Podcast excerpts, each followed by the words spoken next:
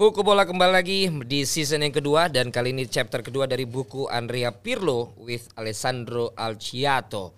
I think therefore I play.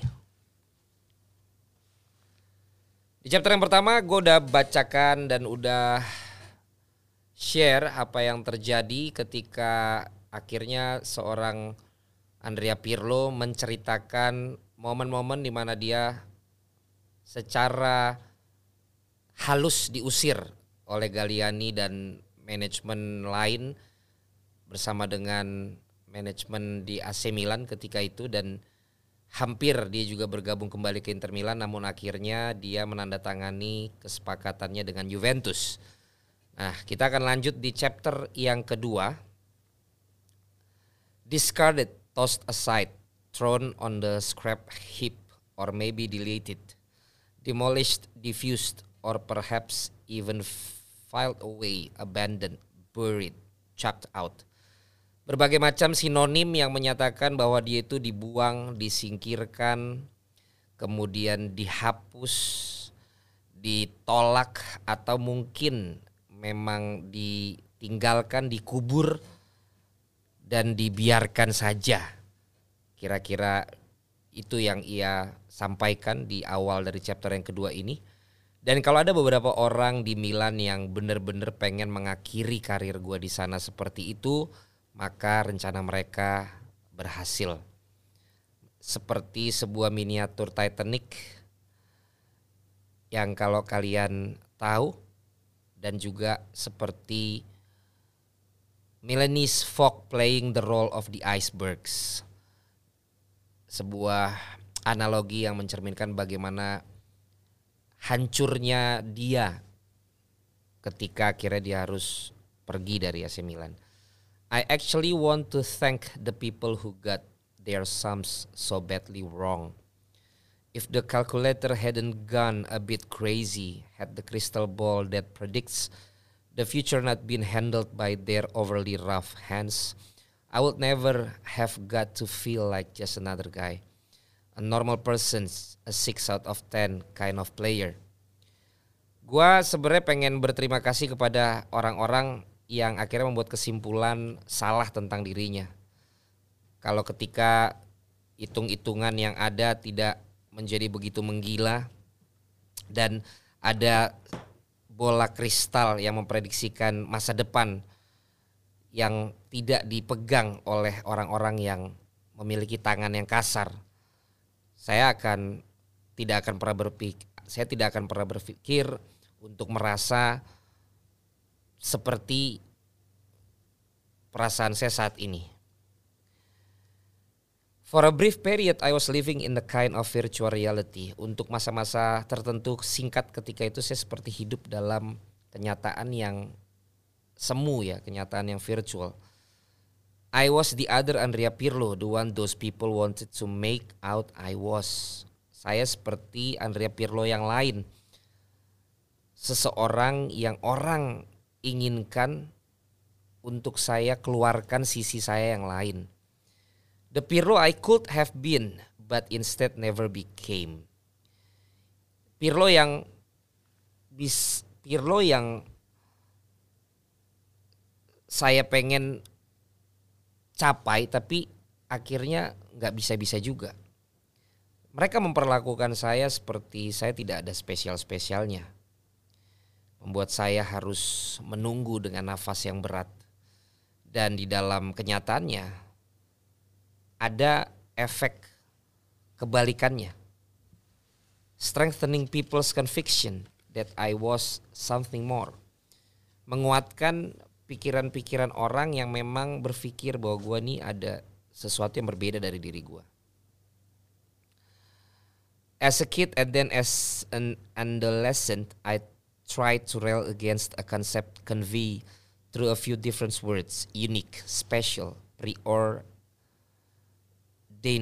Over time, I learned to live with it and use to it to my advantage. Jadi semasa gue dari kecil gue tuh terbiasa untuk dijuluki oleh orang-orang itu seperti unik, spesial, yang tidak sama dengan orang lain dan saya akhirnya sepanjang karir mulai terbiasa kalau saya dijuluki seperti itu. It wasn't easy for me or for the people who care about me. Tidak jadi mudah buat saya atau buat orang-orang yang care sama saya. From an early age I knew I was a better player than the others. And for that very reason tongues were soon wagging. Dari usia gue yang paling usia gue yang muda, gue udah tahu kalau gue adalah pemain yang lebih baik daripada yang lain. Dan untuk alasan-alasan itu maka banyak juga julitan-julitan dari orang lain. Everyone talk about me too much in fact and not always in a good way. Banyak orang berbicara tentang saya terlalu banyak tentang fakta-fakta dan tidak selalu baik cara menyampaikan dan tentang saya itu.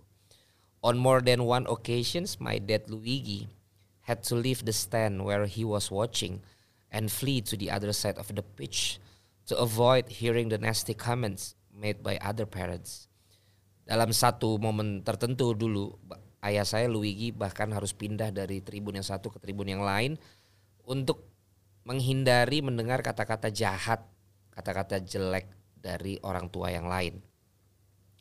He got out of there to avoid reacting or perhaps to avoid becoming too sad dia bertingkah seperti itu mungkin untuk menghindari reaksi yang bisa ia keluarkan atau mungkin menghindari dirinya bisa jadi sedih. He had nothing to be ashamed of and so he ignored them, striding away ever faster like an Italian Forrest Gump. Padahal dia tidak ada yang perlu dia merasa malu untuk itu. Jadi dia menghindari mereka, menyuekin mereka. Pergi bahkan lebih cepat seperti Forrest Gump. It only stopped when he reached a, a quieter, a quieter spot that was safer and more sheltered. Dia akan berhenti di tribun tertentu yang dia pikir lebih sepi dan lebih aman untuk dirinya. Unfortunately, not even my mom Lydia was spared the angry outburst. Who does that kid think he is? Maradona? Sayangnya bahkan tidak ibu saya Lydia yang terhindar dari ungkapan-ungkapan itu. Siapa emang dia? Emang dia pikir dia Maradona? That's the line they used most often. Spurred on by their jealousy. That said deliberately loudly trying to provoke a reaction. Kata-kata seperti itu tuh begitu sering untuk diucapkan dan orang-orang yang terdekatnya mendengar. Yang diungkapkan karena rasa cemburu. Mereka mengatakan itu dengan keras banget sengaja sengaja untuk memprovokasi supaya dapat reaksi. They didn't seem to realize they were actually paying me the biggest compliment. Maradona for fuck's sake. Mereka nggak bahkan mereka nggak menyadari kalau mereka justru kasih gua pujian yang besar menyamakan gua dengan Maradona. Yang bener aja deh masa Maradona. It's like calling a gymnast Juri Ceci, a basketball player, player Michael Jordan, or a top model Naomi Campbell. It's like calling Silvio Berlusconi a giant. Sama aja kayak nyebut pesenam Juri Ceci, pebasket Michael Jordan, top model Naomi Campbell, dan seperti memanggil seorang Silvio Berlusconi Berlusconi itu seorang raksasa. By definition by definition it was an unfair fight. Secara definisi itu enggak fair apa yang mereka sampaikan. Adult speaking on a little kid, orang-orang dewasa memperlakukan anak kecil seperti itu. Just plain wrong. The only way I could defend myself was doing things that would amaze. Pokoknya selalu disalahin dan satu-satunya cara yang membuat saya bisa bertahan untuk diri saya adalah untuk membuat segala sesuatu dengan amaze, membuat orang terkagum. Precisely what they were accusing me of in the first place. Satu-satunya cara untuk gue bisa mempertahankan diri gue dari ungkapan, umpatan, ejekan, julitan itu adalah membuktikan dengan apa yang mereka sampaikan berbanding ter, berbanding lurus dengan apa yang akhirnya gue tunjukkan. I bore the mark of non-existent sin, but was protected by an invisible suit of armor. One that every so often couldn't prevent prevent the odd lunging knife or poison or arrow slipping through. A whole bunch of them hit me one afternoon when I was 14 and playing for the Brescia youth. I say playing for them, but in actual fact, they were playing against me. Dan saya juga bosan dengan orang-orang yang terlihat ada mendukung saya tapi ternyata enggak. Dan dalam banyak kejadian, banyak akhirnya mereka seperti ingin menusuk saya dari belakang. Pernah dalam Brescia muda, tim Brescia muda, saya seperti pengen dihancurin sama satu tim di mana saya bermain untuk mereka, tapi secara faktanya mereka bermain melawan saya. Pass me the ball. Um, kasih bolanya ke saya. Silence. Strange. I shouted it loudly and my Italian was pretty good. Aneh gue berteriak dengan keras dan bahasa Itali gue kan cukup bagus. Guys, pass me the ball. Teman-teman, oper bolanya ke gue. Tetap nggak ada. Hanya ada keheningan yang gue bisa mendengar suara gue sendiri teriak-teriak. Is something going on here? Apakah suatu sedang terjadi di sini? Semuanya diem lagi. Semuanya kayak tiba-tiba pada tuli. Tidak ada orang, tidak ada teman yang passing bola ke gue. My teammates were playing amongst themselves, leaving me out completely. Teman-teman setim gue bermain antara mereka sendiri dan benar-benar meninggalkan saya. I was there, but they couldn't see me. Saya ada di sana, tapi mereka nggak ngelihat saya atau pura-pura nggak ngelihat saya. Or better, they could see me, but choose to pretend I wasn't there ya atau dia sebenarnya ngeliat tapi pura-pura aja kayak dia nggak ada. They were treating me like some kind of le leper just because I was better than them at football. Mereka perlakukan saya seperti saya seorang berpenyakit lepra hanya karena saya lebih baik dari mereka. I flit about like a ghost, dying on the inside. There was a mutiny taking place against me. They wouldn't even talk to me, wouldn't even look in my direction absolutely nothing. Jadi kayak di situ tuh kayak orang yang kayak hantu aja berkeliaran tapi nggak dilihat dan bahkan nggak diajak ngomong, bahkan nggak mau lihat gue ada di mana bergerak ke mana sama sekali nggak dianggap. Are you going to give me the ball or not? Lo mau kasih bola itu apa enggak? Tetap diem. I blew up and burst out crying. Akhirnya saya meledak dan akhirnya saya menangis saat itu di lapangan di hadapan 21 lawan. Sepuluhnya lawannya adalah temannya sendiri, sebelasnya adalah lawan yang benar-benar menjadi tim lawan. I sprinted and cried. I stood still and cried. I was completely dejected and depressed. Saya pokoknya lari tapi tetap sambil menangis. Saya berdiri tapi juga sambil menangis. Saya benar-benar depresi dan merasa disingkirkan. Most of all, I was an adolescent. And that sort of thing should happen to someone so young. At that age, you should be scoring goals and celebrating. But the fact that I scored so many upset a lot of people. Ya, pada saat itu harusnya nggak terjadi sama anak seusia dia. Anak seusia dia seharusnya sedang senang mencetak gol dan merayakan. Tapi faktanya dia mencetak Pirlo mencetak gol yang banyak sehingga malah mengecewakan orang yang lain. It was in that precise moment that my career, still in its formative stages, took a turn down the right path. I had a choice get pissed off and stop, or get pissed off and keep playing, playing my way. The second option struck me as more intelligent and something I could work on straight away. Saat itu ada dua pilihan tentunya untuk karir gue. Gue marah dan berhenti atau gue marah dan tetap bermain bermain dengan cara gue. Dan akhirnya opsi kedua itu yang selalu ada dalam pikiran gue untuk bermain lebih pinter dan sesuatu yang selalu dilatih yang baru yang bisa ia lakukan Off I went and gathered the ball once, twice, a hundred times. Me against the rest of the world. I was like some kind of noble crusader. Nobody wanted to play with me? Fine then. I'd be my own team. It wasn't like I didn't have the weaponry. Ten of them would struggle to score, but I'd manage it all on my own. I dribbled past every last one of them, including the kids wearing the same color of shirt as me akhirnya gue pernah dalam satu waktu bahkan juga sering gue melawan semua orang. Gue kayak orang yang berpetualang sendirian tidak ada yang mau main sama gue nggak apa-apa. Gue akan menjadi tim dalam diri gue sendiri. Sepuluh orang dari mereka sulit untuk mencetak gol tapi gue akan mencari cara gue sendiri. Gue akan mendribble melewati semua lawan termasuk teman-teman yang jersinya sama sama gue They all got they all got it so wrong. I didn't have the slightest intentions of behaving like a superstar. The truth is a lot simpler. That's just how I was made. I was acting on pure instinct, not riding a flight of fancy.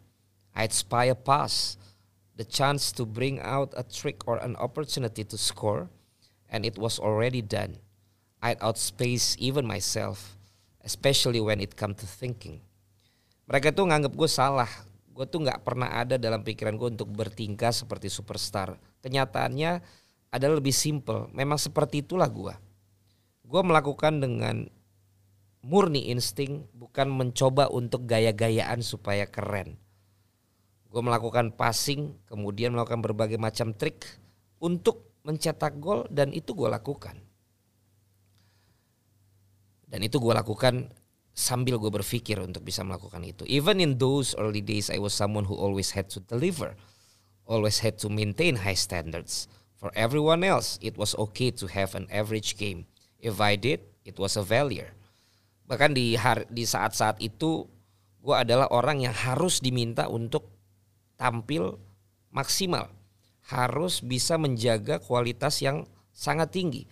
Untuk teman-teman yang lain, mereka nggak apa-apa untuk melakukan permainan dengan standar tapi kalau gue itu akan dianggap sebuah kegagalan. Right from the start they said I always seem tired as if I couldn't go on. Truth is they were taken in by way I move around the pitch.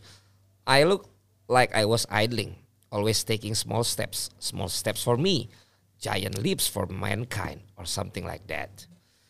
Jadi dari awal mereka selalu bilang gue tuh kayak gampang kelihatan capek Padahal eh dan kelihatan nggak akan bisa ngelanjutin. Dan sebenarnya adalah karena gue mencoba untuk mengambil semua sisi lapangan. Gue akan melihat ke mana pun permainan itu seperti seakan-akan gue sedang diem. Seperti mengambil langkah-langkah kecil. Padahal langkah kecil buat gue itu sama kayak langkah besar untuk orang biasa. Venting my emotions out on the pitch all those years ago was like releasing a coiled spring. If there are too many people around, I'll tend not to speak all that much. I'll get worked up for good or bad without letting in. But that afternoon, it was a different story. Untuk melepaskan emosi gua menghadapi masa-masa itu, itu seperti membuat gua rilis, membuat gua lepas. Makanya kalau terlalu banyak orang di sekitar gue, gue memilih untuk tidak banyak berbicara. Gue mendingan lebih banyak bekerja. Tapi di sore itu adalah cerita yang berbeda. I conducted a long and silent discussion with my inner self. Looking back, it bordered on mad, on madness. Akhirnya gue gue berbicara secara panjang dan diam-diam dengan diri gue sendiri. Dan akhirnya kepikiran sesuatu yang gila Andrea, a gift like yours shouldn't be a milestone. It's true, you're better than the others, and you should be proud of that fact. Mother Nature was kind to you. She was on good form the day you were born. She gave you the magic touch. Now go take advantage of it. Andrea, hadiah talenta seperti lu seharusnya menjadi sesuatu yang bagus untuk lo memang benar kalau lu lebih baik dari yang lain. Dan harusnya lu bangga dengan fakta itu. Pencipta baik sama lu karena dia dalam kondisi yang bagus ketika melahirkan lu. Dia memberikan lo sentuhan ajaib. Nah sekarang ambil keuntungan dari situ. You want to be a footballer? That's the dream that's attached itself to you. The others want to be astronauts, but you couldn't give a fuck about going into space. Well, then go and pick up that ball. Give it a stroke. It belongs to you. The jealous folks don't deserve it. They're trying to steal that special part of you. Smile, be happy, make this moment brilliant, and then make many more just like it. Lo mau jadi pemain bola? Apakah itu mimpi yang melekat di dalam diri lo? Banyak orang mau jadi astronot, tapi lo, tapi dia nggak mau pergi ke luar angkasa. Kalau gitu, ambil, pergi dan ambil itu bola, tendang, itu milik lo. Orang-orang yang iri nggak berhak untuk mengambil kebahagiaan lo. Mereka mencoba mengambil yang spesial dari diri lo. Senyum aja, bahagia. Buat momen ini menjadi brilian dan buat yang lain juga menyukai itu dan buat hal lain seperti itu juga. Go on, take that leap and if you can, take your father with you. The people giving chase will soon fall behind. It's written in the stars. Go Andrea, go. Lakukan. Ambil langkah ini dan kalau lu bisa bawa ayah lu bersama dengan lu. Orang-orang yang mencoba mengejar lu akan jauh ketinggalan di belakang. Ini sudah tertulis di bintang. Ayo Andrea, ayo. Even today I'm not completely convinced I'm unique or irreplaceable. Irreplaceable bahkan sampai sekarang gue nggak berpikir gue tuh gue nggak yakin kalau gue tuh unik dan tidak tergantikan but I struggle to explain that to people who are used to making superficial judgments about me tapi gue susah untuk menjelaskan ke orang-orang yang memang sudah punya pandangan seperti itu kepada gue I have reached one conclusion saya udah mencapai satu kesimpulan I think I've understood that there is a secret Sepertinya gue ngerti kalau ada sebuah rahasia. I perceive the game in a different way. Gue melihat sebuah pertandingan dengan cara yang berbeda. It's a question of viewpoints, of having a wide field of vision, being able to see the bigger picture. Ini masalah viewpoints, masalah cara pandang untuk bisa melihat lebih luas secara visi. Kemampuan untuk bisa melihat gambaran yang lebih luas. Your classic midfielder looks downfield and sees the forwards. Pemain tengah yang biasa akan melihat ke bawah dan melihat ke pemain depan. I'll focus instead on the space between me and them where I can work the ball through. Kalau gua hanya fokus kepada jarak yang ada di gue dan mereka di mana gue bisa bekerja dengan bola itu untuk ke mereka. It's more a questions of geometry than tactics. Ini lebih ke pertanyaan geometri, hitung-hitungan daripada taktik. The space seems bigger to me. It looks easier to get in behind a wall that can easily be knocked down. Jarak itu terlihat lebih besar di pandangan gue. Dan itu membuat gue lebih mudah untuk bisa memberikan bola-bola yang bisa menjatuhkan dari tim lawan. People have compared me with to Gianni Rivera, saying that side of my game reminds them of him. Banyak orang yang membandingkan gue dengan Gianni Rivera, legend dari Milan, dan mengingatkan permainannya kepada Pirlo. I've never seen him play, not even on video, so I can't say whether they're right or wrong. Cuma saya nggak pernah ngelihat penampilannya langsung maupun di video, jadi saya nggak bisa bilang itu benar atau salah. I've never looked at another player, past or present, and thought they were similar to me. Saya tidak pernah melihat pemain yang dulu ataupun sekarang yang saya pikir mirip dengan saya. I suppose there's always time, but I'm not one to look out for clones. It's not something that interests me. After all, Jolly won't ever be the same as the other ship.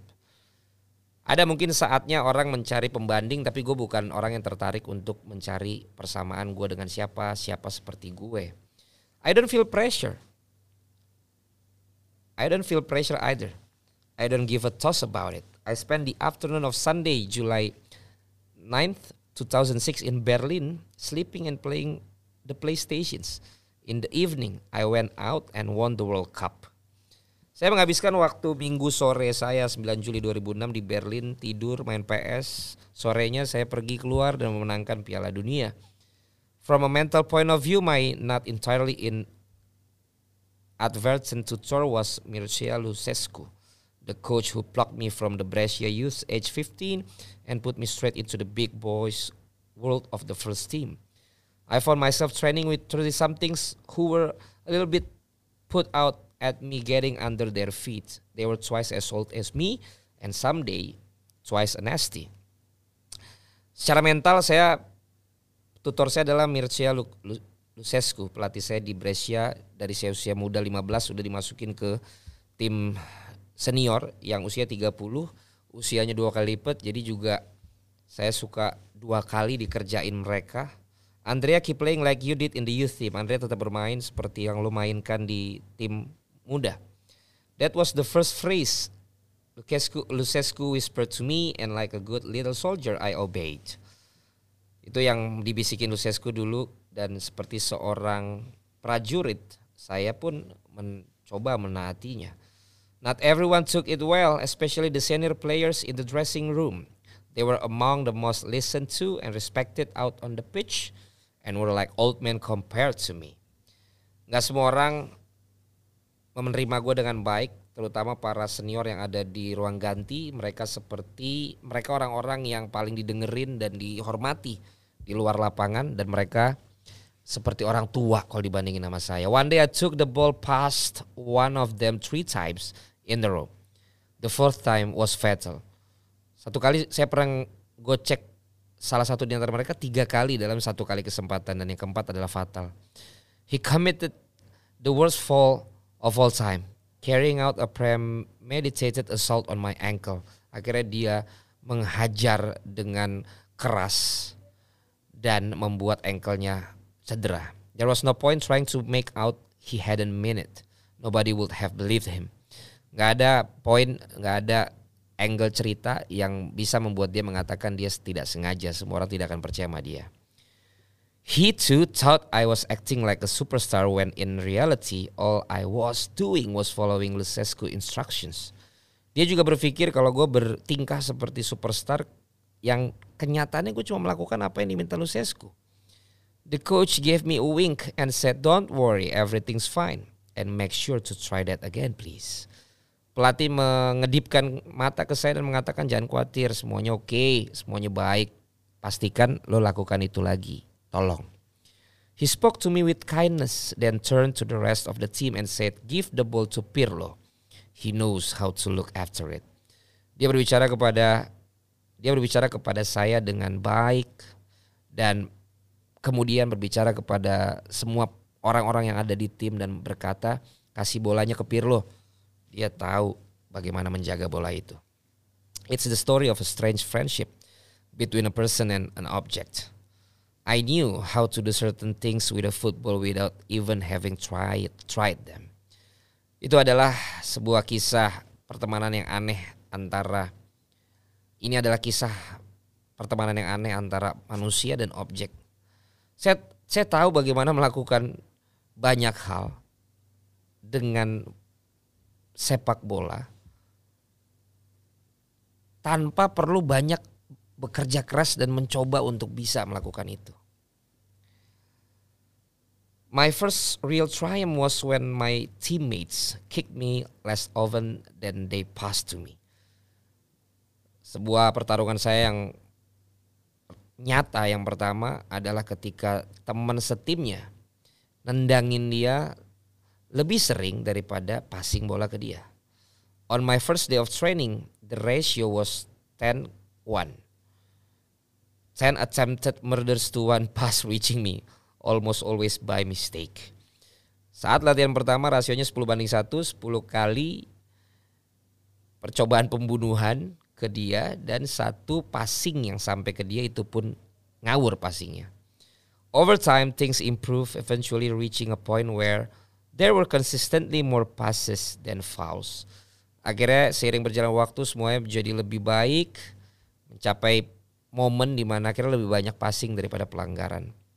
That that made me happy, especially for my dad who could then get a season ticket in the best leather seats right in the middle of the stand. Dan itu membuat saya bahagia, terutama ayah saya yang akhirnya juga bisa dapat tiket terusan di kursi terbaik di tengah tribun. He didn't need to bring along his earplugs anymore. Dia nggak perlu lagi bawa penutup telinganya lagi. The jealous folks were right where we left them back at the youth team pitches. Orang-orang yang iri waktu itu masih ada di sana, yang udah kita tinggalin masih ada di tempat tim muda. Ah, itulah dia cerita di chapter yang kedua betapa ternyata orang spesial seperti Andrea yang kita juga dengar dari Cesare Prandelli ternyata juga dianggap batu sandungan buat teman-teman setimnya, terutama orang tua dari teman setimnya. Dan kita udah dengar bagaimana dia dijulitin, dikata-katain setiap main karena dia memang banyak dianggap seperti superstar dan dia ternyata memilih untuk meneruskan itu, mendapat momen untuk ngomong dengan dirinya sendiri dan dia lakukan itu. Sampai akhirnya di Brescia muda dan di Brescia senior dia juga lakukan itu yang menunjukkan betapa spesialnya seorang Andrea Pirlo. Tadi juga disampaikan main PS sebelum final Piala Dunia dan kalian tahu kan di final itu dia cungkil bola dengan Panenka saat penalti. What a kind. Andrea Pirlo with Alessandro Alciato I think. Therefore I play. Sudah beres di chapter yang kedua. Jebret Tim. Nanti kita akan lanjut lagi di chapter yang ketiga di buku bola. Jadi make sure kalian juga follow dong di Spotify Jebret Media Network di podcastnya Buku Bola. Dan juga dengerin podcast-podcast lain yang ada di Jebret Media Network. Valentino Jebret beres dulu di chapter yang kedua. Nanti kita lanjut lagi di chapter yang ketiga. Terima kasih.